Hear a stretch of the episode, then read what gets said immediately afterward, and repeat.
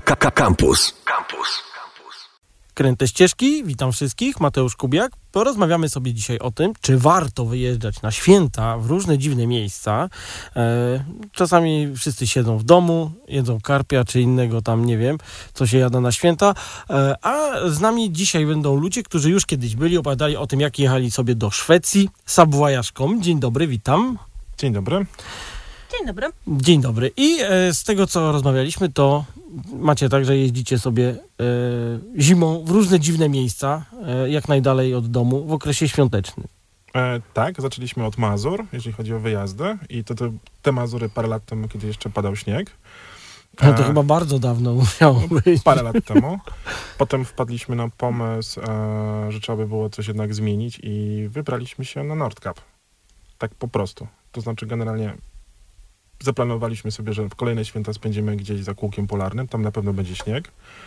W kolejnym kroku e, rozmawialiśmy o znaczy w kolejnym kroku wymyśliliśmy sobie, jak byliśmy na Nordkapie, że był taki ładny kierunkowskaz mówiący 300 km w prawo jest Murmańsk i kolejne święta spędziliśmy w Murmańsku. A będąc w Murmańsku stwierdziliśmy, że trzeba by było podobną odległość, ale bardziej na wschód i wylądowaliśmy w Jekaterinburgu. Okej, tak, rosyjsko, ale wiesz co, ja bym się tutaj przyczepił do, do tego Nordkapu, bo e, często ludzie, którzy przychodzą, opowiadają, że to jest jak taka wielka atrakcja turystyczna, że strasznie to chcieli zobaczyć, a, a kończy się tak jak czasami w Egipcie na kupie kamieni po prostu i nic kompletnie z tego nie wynika. Więc chciałem się dowiedzieć o, o, o twoją reakcję, waszą reakcję na, na Nordkap, jak to, jak to wyglądało z waszej strony. Znaczy na Nordkapie masz dwie możliwości. Jest mgła albo jej nie będzie. Aha. Są ludzie, którzy potrafią jechać 3-4 tygodnie na Nordkap zimą i następnie jest mgła i nic nie widać. I to jest ten negatywny scenariusz, ale generalnie zazwyczaj jest e, ładnie, dlatego warto się na Nordkapie zatrzymać na kilka dni, czyli z, z, rozbić sobie bazę w e, Honingswagu. E, I tutaj ważna informacja. Generalnie Nordkap ma najdroższy parking w Europie. To jest bodajże 300 zł za wjazd. E, I dla, i, ale jest również informacja, że można przystąpić do Królewskiego Klubu Zdobywców Nordkapu. Wpisowe kosztuje tyle samo. I parking za darmo. I park, Dożywotnie. dożywotnie jest parking za darmo oraz generalnie jak jest większy ruch, e, bo tam też jest czasami większy ruch, to jest priority pass dla, e, dla swoich. Więc warto zainwestować, dostaje się wtedy cały pakiet, kartę, przypinkę, dyplom i tak dalej. Dla tych, którzy byli na przykład na Nordkapie i zapomnieli albo nie chcieli, jak się udowodni na przykład zdjęciem, że się było, można też obiegowo sobie przystąpić do klubu. A więc to też ważna, ważna informacja. No i generalnie posiadając tego typu kartę, jeżeli jest się w tym Honingswagu, można na przykład trzy albo cztery razy sobie tam po prostu podjechać, licząc, że jeżeli chodzi o zimę, po pierwsze nie będzie mgły, a po drugie będzie zorza. To jest druga ważna rzecz. O właśnie, a kiedy należy jechać, żeby trafić na zorze? Mm, czy wiesz, generalnie pomiędzy mniej więcej listopadem a marcem, tylko po pierwsze musi nie być mgły, musi być odpowiedni układ planet, w cudzysłowie. Są bardzo dobre aplikacje do śledzenia w danym dniu prawdopodobieństwa, że będzie zorza. E, I przy okazji, będąc na tych regionach, warto zapytać lokalnego Szwed- e, Norwega, gdzie jest dobre miejsce do oglądania zorzy, bo ci ludzie zazwyczaj są w stanie doskonale pokazać takie miejsce i to nie musi być sam Nordkap, który jest zresztą jasnym miejscem, tylko właśnie są różne szczególne miejsca dookoła, gdzie tego typu zdjęcia można zrobić i one są naprawdę niezłe. Ważna rzecz, żeby mieć aparat, e, lustrzankę, bo zwykłym, zwykłą małpką, powiedzmy, to nie wychodzi, czy telefonem też tak średnio bywa. Okej, a rozumiem, że tak jak z obserwacjami astronomicznymi, tak? E, Im ciemniej, tym lepiej i będzie wtedy większy efekt wow. Nie wiem, czy widziałeś zorza. Nie widziałem, nigdy bardzo bym chciał. Podstawowy problem z zorzą jest to, że zazwyczaj widzimy zdjęcia. Tak, ja widziałem tylko zdjęcia. Zdjęcia się nie ruszają jeszcze teraz. Znaczy nie zawsze. Czy w telefonach się teraz ruszają zdjęcia, ale generalnie zorza to jest powiedzmy pewien przedstawienie na, na, na, na niebie. Ona się bardzo dynamicznie rusza. Czy są takie statyczne typowo, ale są takie, które po prostu ci tańczy całe niebo. Prawda? No bo siłą rzeczy ten nasz słoneczny wiatr uderza w naszą atmosferę i tam się dzieją cuda. Czasami jest to w jedno miejsce, a czasami widzimy po prostu przepływ, tak jakbyś, nie wiem, farbą oblewało niebo i to po prostu robi naprawdę niesamowite wrażenie. I tutaj do tego się przydaje właśnie przede wszystkim statyw, rękawiczki, coś ciepłego i aparat, lustrzanka. I to, co jeszcze jest ciekawe, czasami jest tak, że w przypadku zorzy jej nie widać, a aparat już ją widzi. Czyli robisz pierwsze zdjęcie próbne i on już widzi zorza, w związku z czym może, może się spodziewać, że za chwilę się zacznie całe przedstawienie. Ale mieliśmy rozmawiać o Uralu. No, mieliśmy rozmawiać o Uralu, rozmawialiśmy o Nordkapie, bo niestety wyszedł. Ale nie, właśnie nie o Uralu, bo e, O Wigilii. tutaj o Murmańsku sobie porozmawiamy, Dobrze. o Wigilii i ogólnie o, o patencie na wyjazdy. E, Mhm. Może o Murmańsku za chwilę, ale jak jedziecie na taki Nordkap, wiadomo, że e, jest to daleko od Polski. Jaki macie patent na wyjazdową Wigilię w takim razie? To myślę, że Agnieszka powie też trzy zdania o gotowaniu. Przeanalizowaliśmy, co najbardziej lubimy jeść na Wigilię, ponieważ zawsze zdarza się, że ma być symbolicznych 12 dań i ciocia Krystyna bardzo lubi karpia i wszyscy go przełykają, krzywiąc się okrutnie, ale tradycja nakazuje. U nas nie ma takiej tradycji. Wyodrębniliśmy to, na czym nam najbardziej zależy, czyli muszą być uszka z grzybami, barszcz, ryba po grecku, sałatka, Kompot. kutia. I y, przygotowujemy zawczasu, w zależności od tego, gdzie Ale to jedziemy. wszystko są rzeczy, które można zabrać w jakiś sposób Tak, sensowny. E, tak, e, więc jeżeli jedziemy w zimne okolice, to na jakieś trzy tygodnie przed świętami rusza akcja Lepimy Uszka. Uszka są mrożone, a następnie są gotowane, smarowane masą i upychane w pudle. Nasz rekord to było prawie 400 uszek. E, W wielkim pudle na, e, Na dachu. Tak, na dachu, na bagażniku.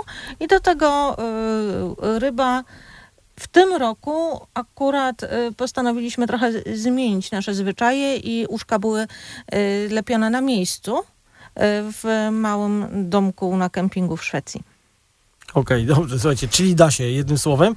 Mówiliście, że byście na Nordkapie i niedaleko jest y, Murmańsk. No ale tam kawał drogi z Polski jednak trzeba pojechać. Znaczy, jadąc przez Litwę, Łotwę i później Rosją e, do góry, wbrew pozorom, tam, po pierwsze jest mnóstwo atrakcji po drodze, więc da się między, powiedzmy tym 18 grudniem a e, Wigilią ten dystans pokonać bez większych problemów i przy okazji zobaczyć dużo ciekawych rzeczy, prawda? Jeżeli teraz jeszcze rozmawiamy o tej Wigilii, a my akurat w kierunku Rosji zdecydowaliśmy się na to, żeby podróżować za pomocą Ładeniwy, bo to jest coś, co po pierwsze jedzie na wszystkim wszędzie i każdy naprawi. A, Młotkiem w każdym kołchozie ci a, naprawią. Wiesz co, każdy mięsny w Rosji ma dział z częściami do niwy, prawda? Okej. To jest jakby bardzo ważna rzecz i to ułatwia. I z racji, że to auto jest, że tak powiem, wersja Classic, tam, no, lifting był chyba 30, nie wiem, z 10-15 lat temu, prawda? E, no to wszystkie części są. Jeszcze do wyboru, do koloru, co byś chciał. Więc to jest jakby pierwsza rzecz. I ważna informacja, generalnie jadąc na Wigilię e, z przygotowaną częścią e, chociażby uszek, e, korzystając z bagażnika dachowego, masz po prostu lodówkę cały czas, bo jest chłodno. To jest bardzo ważna rzecz. We współczesnych autach jest z tym problem, bo jeżeli masz boksa, to też robi się w nim trochę czasami ciepło, a w typowym samochodzie z bagażnikiem jest po prostu ciepło. Jadąc z niwą, mając bagażnik dachowy, jest zawsze zimno. To jest podstawowa zaleta tego samochodu, więc masz dużą lodówkę. Tak, więc to była kwestia przygotowań i po, jeżeli chodzi o przejazd, no to tak naprawdę wyjazd do Rosji i, i dalej do Murmańska jest sam w sobie po prostu przygodą. Eee, nie, nigdy nie szukaliśmy jakichś szczególnych miejsc, typu jakiegoś hotelu specjalnego i tak dalej. Generalnie nam się akurat udawało Wigilię zazwyczaj trafiać, e, korzystając z tego, że przygotowując wyjazd staramy się dobierać jak najtańsze noclegi, bo wtedy jest jak naj, zwykle jak najwięcej przygód w takich, takich sytuacjach, więc na przykład spędzaliśmy, noc, e, spędzaliśmy Wigilię w typowym sowieckim bloku, który był, ma, no, ma, ma swój urok, prawda? Podstawową na przykład dla naszych dzieci atrakcją jest to, że przed każdym takim blokiem jest górka śnieżna, gdzie można pozjeżdżać na, na, na, na jabłuszku czymkolwiek, to jest pierwsza sprawa. Z drugiej strony w tych budynkach i w tych mieszkaniach tak naprawdę wszystko, co to powinno być do przygotowania Wigilii jest, prawda? Więc e, Również regały na wysoki połóg. tak, to też ma swój, swój, swój, dodatkowy, swój dodatkowy urok, więc e, da się to przygotować. E, w ramach naszego blogaska opisywać subvoyage.com pisaliśmy też właśnie z jakich rzeczy warto na przykład zrezygnować, jakie rzeczy przeżywają podróż, nie psują się i, i, i jak je przygotować ewentualnie. W związku z czym e, to jest kwestia zastanowienia co się chce zrobić po południu w Wigilię, prawda? Czy przyłączyć inny kanał, czy na przykład pójść zobaczyć łódź podwodną na przykład w Muzeum Techniki, prawda? Bo tak też się prawie faktycznie u nas zdarzało, gdyż, e, a nie, to było przy okazji wyjazdu do, na Ural. Jeżeli chodzi o Murmańsk, Ja tu chciałem jedną rzecz zapytać, bo to zawsze e, mnie interesuje ta droga długa od e, Mhm. Pe- Petersburga, tutaj od, od, od Zatoki samej do, do, do Mhm. Murmańska. Jak, to, jak to wygląda? Bo to na mapie wygląda tak, że można zasnąć z nudów generalnie, ale jak to, jak to jest naprawdę? Znaczy wiesz, no, nie rozmawiamy w tej chwili o Petersburgu, bo to jest jak gdyby na To osobny... na osobną audycję, Tak, spokojnie. dokładnie. E, wiesz co, generalnie e, cała ta część trasy tak naprawdę swego czasu e, była dość mocno zmilitaryzowana, prawda? Tam jest mnóstwo miejscowości. W każdej miejscowości tak naprawdę znajdujesz coś ciekawego. Poczynając od różnych, nie wiem, czołgów, muzeów militarnych, e, samolotów, e, z, e, nie wiem, parowozów stojących, e, to jest jakby jedna rzecz.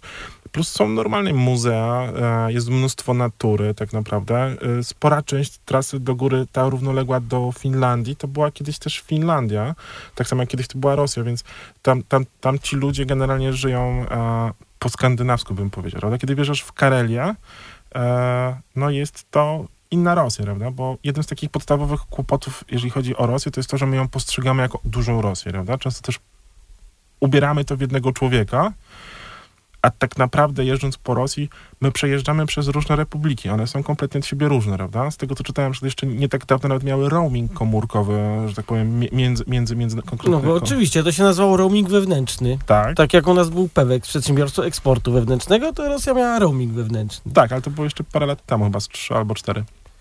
Także generalnie pomiędzy, nie wiem, e, taką Karelią, a na przykład, nie wiem, e, tam gdzie mamy, mamy, mamy e, ten, gdzie byliśmy na Sylwestra w zeszłym roku? W Kazaniu. W Kazaniu. No to Tatarstan, tak? Tatarstan, to zupełnie prawda? inna bajka. to masz dwa różne światy, prawda? I tak samo jest e, w tamtym kierunku, prawda? Więc generalnie dojazd na, do samego Murmańska, gdzie jest mnóstwo samych sobie atrakcji, nie jest nie, nie, nie jest to taka trasa, że jedziesz przez trzy dni e, i masz tylko drzewa prawo-lewo, tylko tak naprawdę można przede wszystkim zobaczyć mnóstwo ciekawej architektury, prawda? To jest pierwsza podstawowa rzecz. E, pomijając zwykłe, proste, betonowe miasta, one mają w sobie sam, sam w sobie urok. To jest pierwsza sprawa.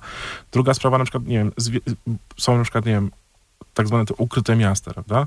Które, które nie było na mapach, prawda? Część z nich jest w tej chwili odkryta, można sobie zobaczyć, jak to wyglądało. A jedno z do Murmańska tak samo była największa dziura w ziemi, prawda? No tak, tak, to była ta dziura, gdzie SG3.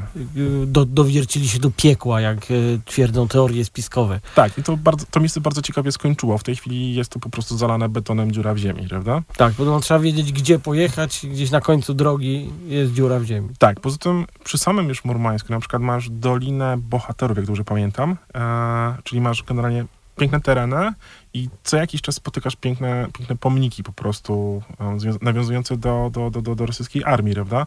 Kończąc na Aloszy, który jest w samym Murmańsku, który jest potężny przy okazji, e, więc to jest kolejna sprawa.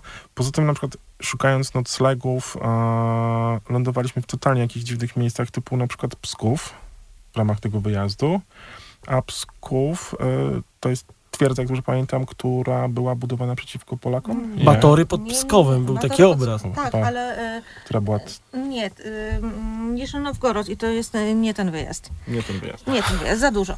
Ale to, co mnie osobiście poruszyło e, w Rosji, to po pierwsze e, to, że wszędzie płaci się kartą. Tam jest, e, być może jest to kwestia wyłapywania szarej strefy, ale płatności kartą nawet w sklepiku, który jest w drewnianej chatce w jakiejś wiosce i tak da się zapłacić tam kartą. E, Druga rzecz, która e, nas trochę zadziwiła, to to, że nie padało pytanie, skąd jesteście, tylko dokąd zmierzacie. Okej. Plus y, trzecie pytanie, jak wam mo- można pomóc? E, Właśnie mieliśmy taki e, przy jeziorze Onega w jakiejś wiosce, zapragnęliśmy zrobić sobie kanapki i okazało się, że nie ma chleba krojonego, a my jadąc autem lubimy sobie zrobić kanapki i pani stwierdziła, że chcecie kanapek, to, to ja wam pokroję ten chleb nożem i po prostu wzięła taki majcher i pokroiła i spakowała nam cały bochenek chleba, stwierdzając, że skoro potrzebujemy, no to ona nam zrobi. I tego typu przychylność i bardzo pozytywne podejście to jest to coś, y, z czym bardzo często w Rosji się spotykamy. Tam są naprawdę serdeczni, tacy ciepli i otwarci ludzie. I oni są nas równie ciekawi, jak my ich. A z drugiej strony, y, już dalej na wschód, my byliśmy postrzegani jako przybysze z dalekiego zachodu. I gdy byliśmy w y, Kazaniu, w hostelu, przyszła dziewczyna zapytać, czy to my jesteśmy tymi turystami, którzy przyjechali z Europy. O, no kawałek to jednak jest do, Kazania dojechać. Gdzie jeszcze tam dalej? Mm, Byliśmy również w Czelabińsku w ramach wyjazdu, e, który miał zawrotkę w Kazaniu. Jeśli chodzi o Czelabińsk, e, pojechaliśmy tam, żeby zobaczyć ten słynny meteoryt, e, ale na meteorycie sam e, Czelabińsk się nie kończy. To są tak naprawdę wrota do Azji, miasto graniczne. Mm, Ciekawostka, kiedy planowaliśmy wyjazd i jeszcze nie wiedzieliśmy, czy będziemy się zapuszczać bardziej w stronę Azji, czy pozostaniemy na Czelabińsku, doszliśmy do wniosku, że musimy przekonać się, czy Czelabińsk jest w Europie, czy w Azji, bo to chodziło o ubezpieczenie podróżne, wymagane zresztą do uzyskania wizy. Yy, W związku z tym yy, postanowiliśmy zasięgnąć informacji u samego źródła. Skontaktowaliśmy się z Urzędem Miasta Czelabińska, wysłaliśmy oficjalne zapytanie yy, drogą mailową i już po miesiącu przyszedł PDF ze, ska- ze skanowanym dokumentem z wieloma pieczątkami, w którym to urzędnicy miasta Czelabińska zbierali informacje z Wydziału Geodezji, powołując się na e, decyzję Rady Ministrów e, Związku Radzieckiego z 1967 roku na temat podziału administracyjnego Związku Radzieckiego. I uzyskaliśmy informację, wzdłuż której e, ulicy w Czelabińsku przebiega granica pomiędzy Azją a Europą. To wzdłuż ulic przebiega, tak? Tak. Tak, to jest to bo rozegrane. jest jeden jest podział administracyjny i jest również podział geologiczny, gdzie się kończy płyta granitowa pod Czelabińskiem. W związku z tym to jest bardzo ciekawe, tak czy inaczej, część czelabińska jest w Europie, część jest w Azji. Ale rozumiem, że tak, jest granica na płycie, ale oprócz tego, tak dla potrzeb e, miasta idzie po, po granicach tego, nie województwa. Po ulicach. Po ulicach Tak. i granicach dzielnic, tak? Tak, dokładnie tak. No dobrze, a jak się chciałem dopytać o meteoryt słynny, czy on jest jakoś upamiętniony w Czelabińsku samym? Tak, y, w Muzeum bodajże historii naturalnej i mm, Północnej Azji. nie, Północnego nie Azji. południowego Uralu, tak, znajduje się wielka gablota z y, tymże meteorytem. Poza tym, że meteoryt jest, y, również są nagrania z tego, co się wydarzyło, bo to nie jest tak, że ten meteoryt spadł im y, na głowę z nienacka. To, że meteoryt pędzi w tą stronę, było wiadome. W związku z tym były wytypowane miasta, które być może oberwą meteorytem. W związku z tym już służby były tam postawione w stanie gotowości i po prostu było wiadomo, że ten meteoryt im spadnie. W końcu wylądował y, w jeziorze. Y, Ludzie, którzy ucierpieli w wyniku y, kontaktu z meteorytem, no to głównie zostali poranieni wypadającymi szybami.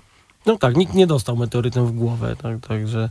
No to w sumie bezpiecznie, jak wylądował w jeziorze, to tak się to dobrze chyba skończyło. Znaczy warto powiedzieć, że on jak wchodził w atmosferę miał bodajże 17 metrów e, No właśnie, bo to chyba jakiś średnicy. obrzyn został z tego... Z Tak, tego... doleciało do ziemi mniej więcej e, bodaj tam metr, półtora.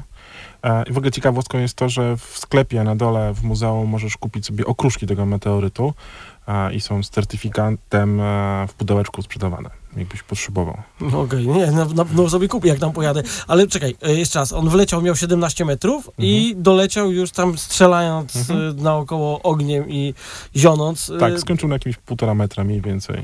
I nie był kulką, tylko jest takim większym kamykiem, bym powiedział. Jest muzeum na środku, można sobie zobaczyć. Słuchajcie, a co poza tym meteorytem w Czelabińsku? Bo mi to się kojarzy z takim miastem niespecjalnie turystycznym. Znaczy, generalnie Czelabińsk jest e, 2 albo 3 miliony ludzi. I, Zawsze te ilości ludzi w rosyjskich miastach to mnie powalają zupełnie. no tak, średniej wielkości miasta, prawda? Ale Tak, milion to tam jest takie miasto. Tak, tak. Okej. wtedy już jest przystanek.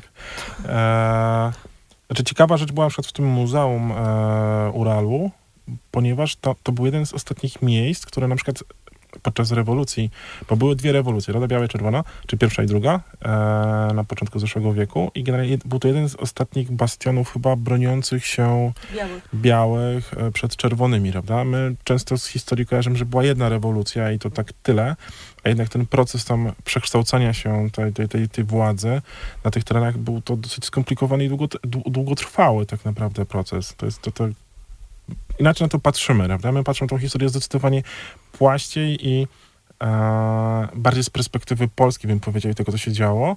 Jednak Rosja to był wielki obszar, wielki kraj, a sama Moskwa jako królestwo to, to nie było coś, co dominowało na początku, prawda? Jednak ludzie nawet już w Czelabińsku, czy, u, czy w ogóle generalnie za Uralem, czy inaczej.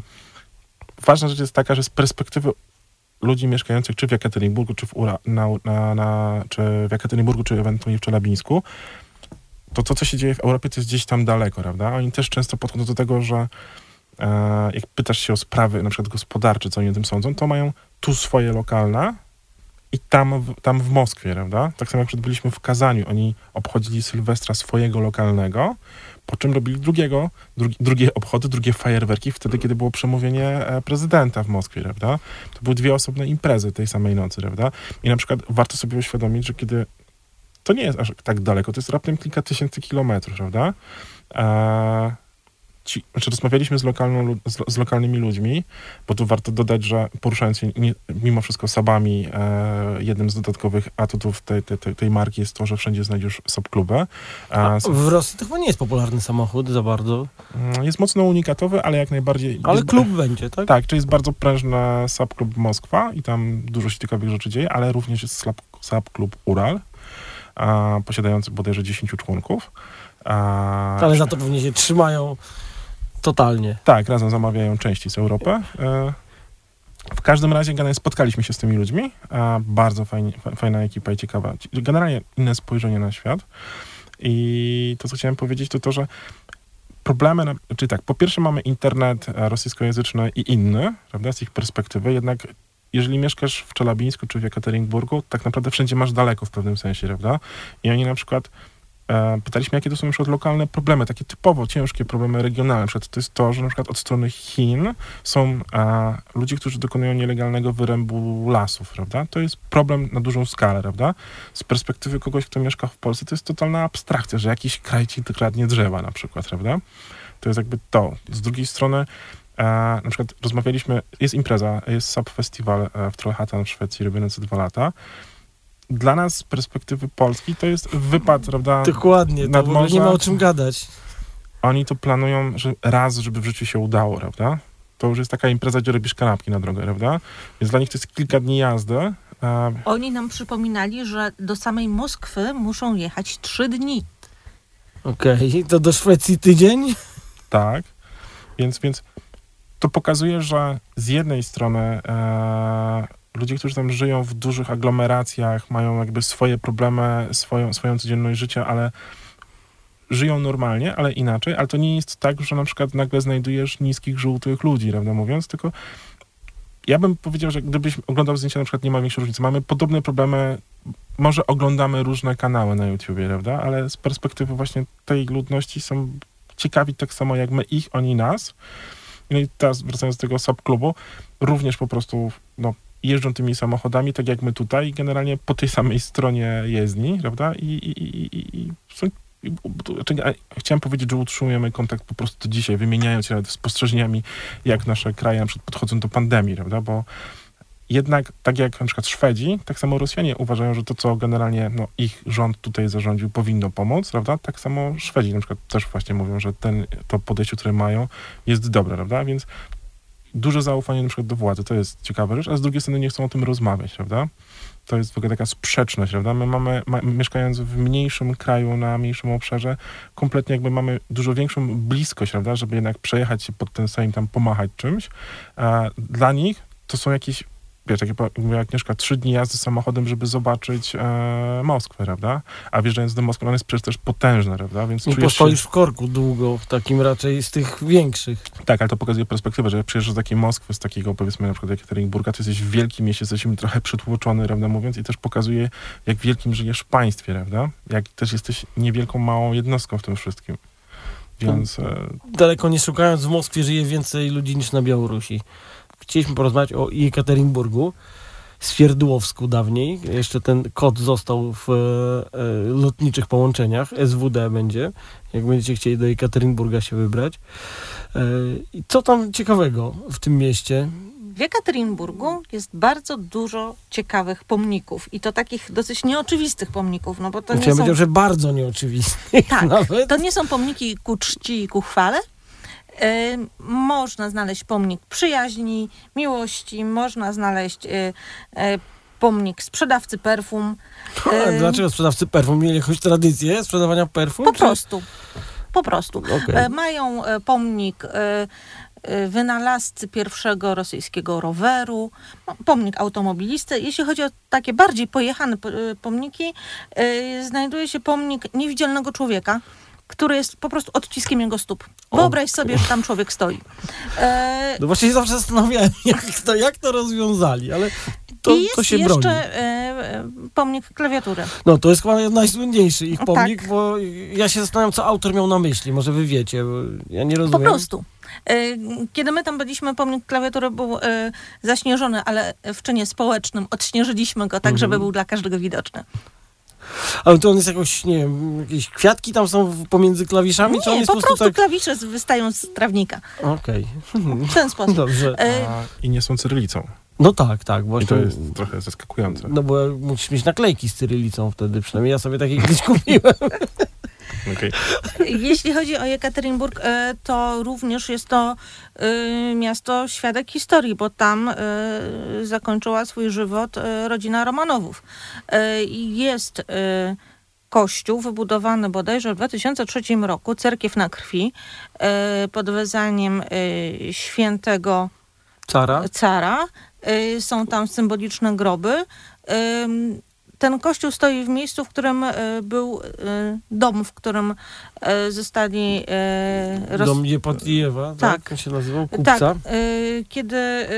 Znaczy, kiedyś tam była ekspozycja muzeum, takie prawdziwe, gdzie można było nawet zobaczyć odpryski w ścianach. Z jakiegoś powodu, to była decyzja już cerkwi rosyjskiej, żeby w, y, zburzyć ten budynek i w tym miejscu wybudować y, cerkiew właśnie. Ja zaw- zawsze się zastanawiam, dlaczego car został świętym, no ale to już jest ich... E, Ponieważ został mę- męczennikiem. Tam są inne zasady świętości. Niekonieczny był cud. Ważne, że był męczennikiem za wiarę. No dobra, to, to, to się broni e, w takim razie. Ale był też parki, e, przepraszam, pomnik e, Beatlesów. Okej. Tak, po prostu, nagle, na ścianie jest ładna płaskorzeźba. Jest też pomnik, e, li, czy pomnik, tylko mural z Linkin Parkiem. No to nie Nie. przestają mnie zaskakiwać. Dokładnie tak. Czyli wiesz co, jeszcze jedną z ciekawych rzeczy, które mi osobiście strasznie brakuje w Polsce, to są generalnie ślizgawki.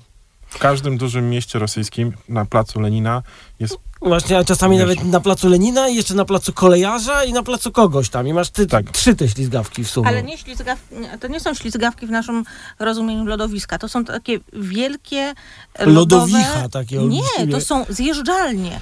Y, Tak? Jest to drewniana konstrukcja obłożona płytami z lodu, także można sobie wejść po schodkach na 15-20 metrów w górę i zjeżdżać. No to ja znałem tylko takie wielkie, po prostu przygotowane e, lodowiska. Pięknie generalnie to wszystko się zapowiada. E, I, I co? I tam dzieci cały czas w ogóle... Tak, polskie dzieci powinny bardzo zazdrościć y, rosyjskim dzieciom zimę. Nie no to mm, białych świąt przede wszystkim innych historii.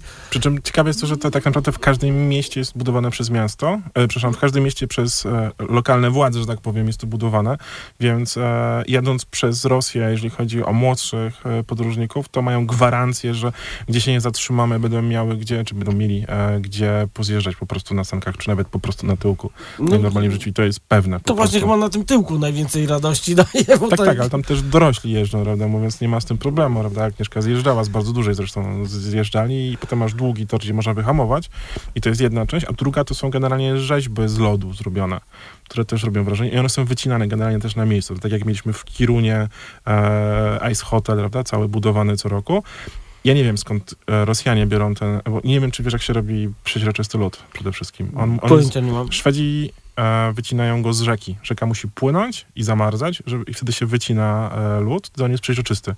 I ten szwedzki lód na przykład jest też transportowany po całym świecie samolotami, tam są robione rzeźby i tak dalej, więc Nie wiem skąd biorą Rosjanie e, w centrum, w środ- na środku Azji generalnie ten lód, ale też go mają w każdym razie. Nie sądzę, żeby był ze Szwecji. Więc e, Pewnie to, też z jakiejś rzeki przeczystej. Pewnie tak. Podobno cała magia jest w tym, żeby ta woda płynęła. Wtedy on nie jest. Bo jakbyś wziął wodę i zamroził, to, To będzie będzie mętna, mętna. tak. A jak jest przeźroczysty, to generalnie. I to są takie potężne tafle stojące sobie po prostu wzdłuż e, czasami ulic, i z tego są potem budowane całe te, te, te budowle. I to jest pewne, po prostu w każdej miejscowości to masz, więc z perspektywy dzieciaków to jest po prostu no, pewna zabawa co wieczór, prawda? I one są całodobowo oświetlone, jest muzyka a, i można się bawić. Jedyna tam w Murmańsku było tak, było, była kontrola, żeby nie wchodzić z alkoholem. A, no tak, bo to, to może być problemem e, generalnie.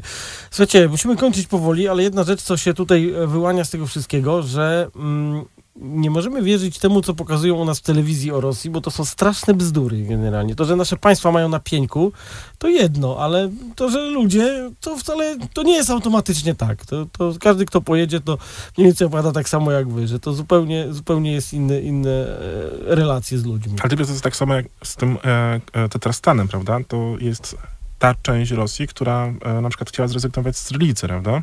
Bo im to nie pasuje. W ogóle kraj muzuł, znaczy, kraina muzułmańska, bym powiedział, prawda? I Oni na przykład nie wysyłali wojsk do Czeczenii. Mogli nie wysyłać, bo powiedzieli, że nie będą do muzułmanów strzelać. Tak. I im pozwolili.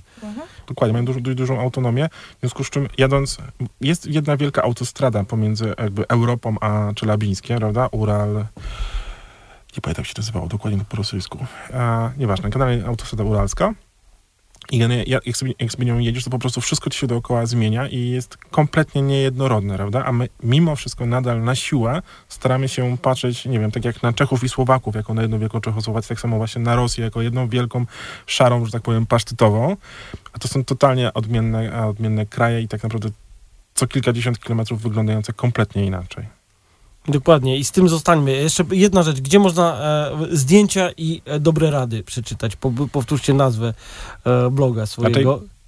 Swoje pomysły, przemyślenia, e, tak zwane zaskoczenia i pewniaki spisujemy na blogu subvoyage.com. Stamtąd łatwo trafić na Facebooka i Instagram. Dobra. I przy tym zostańmy. Gośćmi byli autorzy e, bloga subvoyage.com, czyli... Marcin Gabrowski. I Agnieszka Gabrowska. A to były Kręte Ścieżki. Mateusz Kubiak. Do usłyszenia w kolejną sobotę. Pa! Słuchaj Radio Campus, gdziekolwiek jesteś. Wejdź na www.radiocampus.fm.